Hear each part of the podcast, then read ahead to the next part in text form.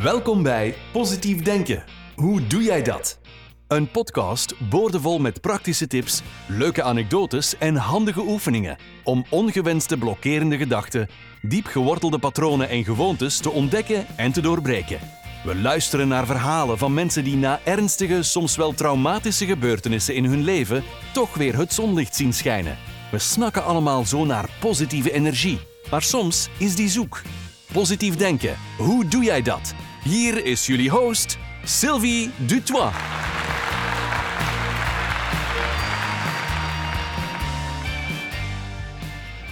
Hallo, hallo lieve mensen. Onlangs zei een vriendin tegen me: Amai, je bent supergoed bezig en jij hebt je pad gevonden. Je blijft in je eigen kracht staan en je bent trouw aan jezelf. Iedereen houdt van complimenten en meestal vinden mensen het belangrijker te horen dat ze er knap of goed uitzien. Maar als iemand me zegt dat ik in mijn kracht sta, nu dat vind ik het mooiste compliment dat men mij kan geven. Door de manier hoe we opgroeien, de negatieve woorden die we het vaakste horen en die ons zelfbeeld voor een groot stuk doen breken, maakt dat we leren om kritisch te zijn naar onszelf en om bepaalde zaken van onszelf niet te houden.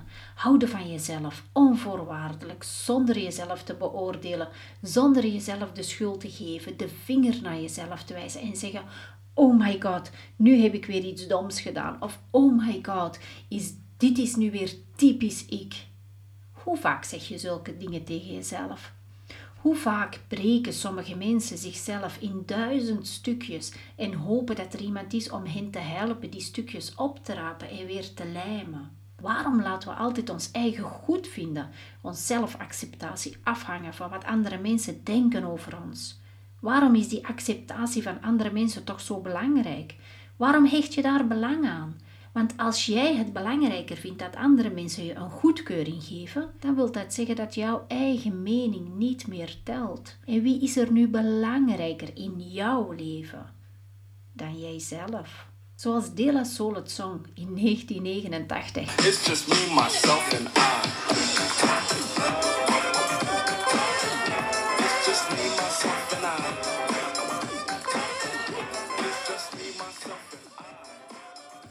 Ik toen ook uit volle borst meezong, ook al verstond ik de ballen van wat er voor de rest gezongen werd, maar dat opkomen voor mezelf heb ik volgens mij en voor zover ik hoor van mijn ouders altijd al gehad.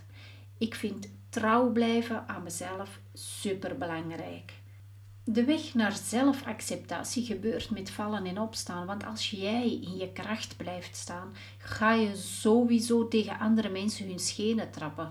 Of althans, dat vinden die andere mensen, want ze gaan jou de schuld geven omdat jij hen dat gevoel geeft. En dat is hun perceptie van die gebeurtenis. Heel veel mensen zijn bang om een vriendschap te verliezen door voor zichzelf op te komen. Ik weet dat zoiets voor heel veel mensen een heel groot probleem is. En ze gaan dan de schuld bij zichzelf zoeken en zeggen: had ik maar niet zo gedaan, of had ik maar niet dit gezegd, of had ik maar niet dat gezegd. Nu ben ik een vriend of een vriendin verloren en dan gaan ze treuren en boos worden op zichzelf. Waar komt jouw reactie vandaan? Sinds wanneer is opkomen voor jezelf fout? Waarom ga jij jezelf de schuld geven en ontzettend boos worden op jezelf? Sommige mensen gaan smeken om die vriendschap weer te lijmen. Nu, mijn boodschap is: leer eerst van jezelf te houden. Aanvaard jezelf zoals je bent. Je bent perfect zoals je bent. Zowel met je slimme dingen die je doet, als met je domme acties die je onderneemt, zegt of doet. Want uiteindelijk bestaan er geen domme acties. Je kan er altijd uit leren, je les eruit trekken. En zodra jij leert om van jezelf te houden, ga je anderen niet meer de schuld geven van een gebeurtenis die jou heel verdrietig, boos of gefrustreerd maakt als gevolg. Je gaat zelfs niet meer verdrietig, boos of gefrustreerd worden. Je gaat het gelijk kunnen loslaten. En je gaat het ook niet meer die goedkeuring van anderen nodig hebben. Jouw goed, goedkeuring gaat veruit de beste zijn en is de enigste die je nodig hebt. Want van jezelf houden kan dat misschien heel egoïstisch klinken. En mensen gaan je zeker ook zeggen dat je een dikke egoïst bent. Maar laat dat je niet uit je lood slaan. Mensen uit je omgeving kennen een fractie van wie je bent. En hoe zij jou zien, is hoe zij jou willen zien. Het is hun perceptie van hoe zij in het leven staan. Mensen die positief in het leven staan, zullen jou jouw minder leuke kantjes zien. Ze zullen die ook zien, maar ze zullen daar niet zwaar aan tillen. En zij zullen al zeker niet jouw handelingen als een persoonlijke aanval zien. Nogmaals, mensen die negatief in het leven staan, zullen altijd bakken kritiek hebben over jou. Want dat hebben ze ook over anderen, zowel andere personen als gebeurtenissen in hun leven. Het is hun perceptie van hoe zij in het leven staan en de dingen om zich heen zien. Laat dat jou niet uit balans brengen. Dat is het niet waard. Daarom, kijk naar jezelf. Ga voor die spiegel staan en zeg tegen jezelf dat je van jezelf houdt. Want een gezonde dosis zelfliefde maakt dat je een stuk gelukkiger en zelfzekerder voelt. Je bent veel minder afhankelijk van anderen en bovenal je voelt je vrij. Alleen als jij van jezelf kan houden, kan je ook van anderen houden. Nu, eigenliefde is niet iets dat indien je er niet veel van bezit en beslist dat je het vanaf nu wilt hebben, dat je het ook gelijk gaat hebben. Het is iets waar sommigen heel hard voor moeten werken. Als je als kind opgroeit met het impliciete zelfbeeld dat je niet goed genoeg bent of nooit goed genoeg zal worden. Als je alleen maar hebt gehoord, jij moet ook altijd dwars liggen, jij kan ook nooit normaal doen, dan ga je hard moeten zoeken naar die verloren gegaane stukjes zelfliefde die je als kind automatisch hebt meegekregen. Onlangs las ik een hele mooie quote met een prachtige betekenis, namelijk: Zelfliefde is jezelf net zo graag zien als dat je je eigen kinderen graag ziet.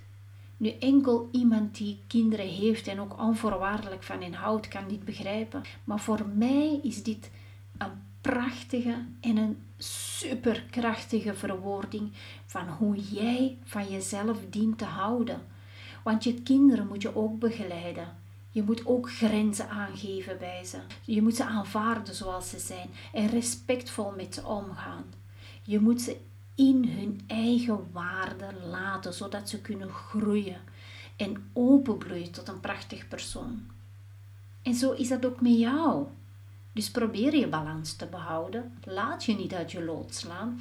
En als iemand jou de schuld geeft omdat de andere zich miserabel voelt, probeer het dan niet persoonlijk op te vatten. Ga niet mee in deze emotie. Zie het als iets dat van die andere is en dus absoluut niet van jou. Mijn kinderen leer ik altijd het spel van toneelspelen. In toneelstuk ben je ook een andere personage. Speel dan dat je sterk bent, dat je het aankunt dat die stekende woorden jou niet raken. Want ze zijn niet naar jou als persoon gericht, ze zijn naar je personage uit je, jullie toneelstuk gericht. En dan nog, het zegt niets over jou. Het zegt alleen iets over de andere persoon, over die persoon die die giftige woorden op je afvuurt. Probeer het. Stel je voor dat je op een podium staat en een geweldig toneelstuk speelt met jou als hoofdrol. En een personage die niets persoonlijk opvat en die vooral niet mee opgaat in die negatieve emotie van de anderen die je aanvalt. Op deze manier ga je meer en meer leren om zulke zaken los te laten. Om je er niks van aan te trekken en om die negativiteit bij die andere persoon te laten. Natuurlijk moet je niet emotieloos worden. Empathie is nog steeds heel belangrijk en een hele mooie eigenschap.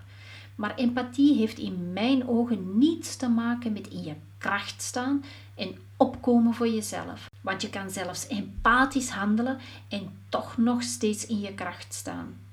In een volgende aflevering ga ik je meer vertellen van waar dat impliciete zelfbeeld, die negatieve overtuigingen die ons belemmeren om in onze eigen kracht te staan, van waar ze grotendeels komen. En zoals altijd wil ik ook bij deze met een toepasselijke quote afsluiten. You often feel tired, not because you've done too much, but because you've done too little of what sparks a light in you. Als jij in je kracht kan blijven staan, zal dat lichtje in jou schitteren. Wees trouw aan jezelf. Hou van jezelf. Je kan het. En als je toch problemen ondervindt of het lukt je en je wilt het met me delen, stuur me gerust een mailtje naar podcast.sylviedutois.be. Hou jullie goed, don't worry, be happy. Love you. Doei. Super bedankt voor het luisteren. Wil je graag sneller resultaat behalen en positiever in het leven staan? Bestel dan het boek Personal Mindset and Destiny Rewriter. Waarmee je op vier weken tijd tot een compleet nieuw leven komt. Aan de hand van inzichten, handvatten, meditaties en oefeningen ga jij leren om je geloofssysteem te resetten. Nadat je het psychologische trucje om mentaal sterker en positiever te worden onder de knie hebt, gaat jouw mindset zich wel met zeker 200% verbeteren. Zeg maar vaarwel tegen depressie, angsten en negatieve gedachten. Als je het boek koopt, kom je gratis in de community waar we elkaar helpen, ondersteuning bieden en begrip tonen. We zullen zelfs samen mediteren.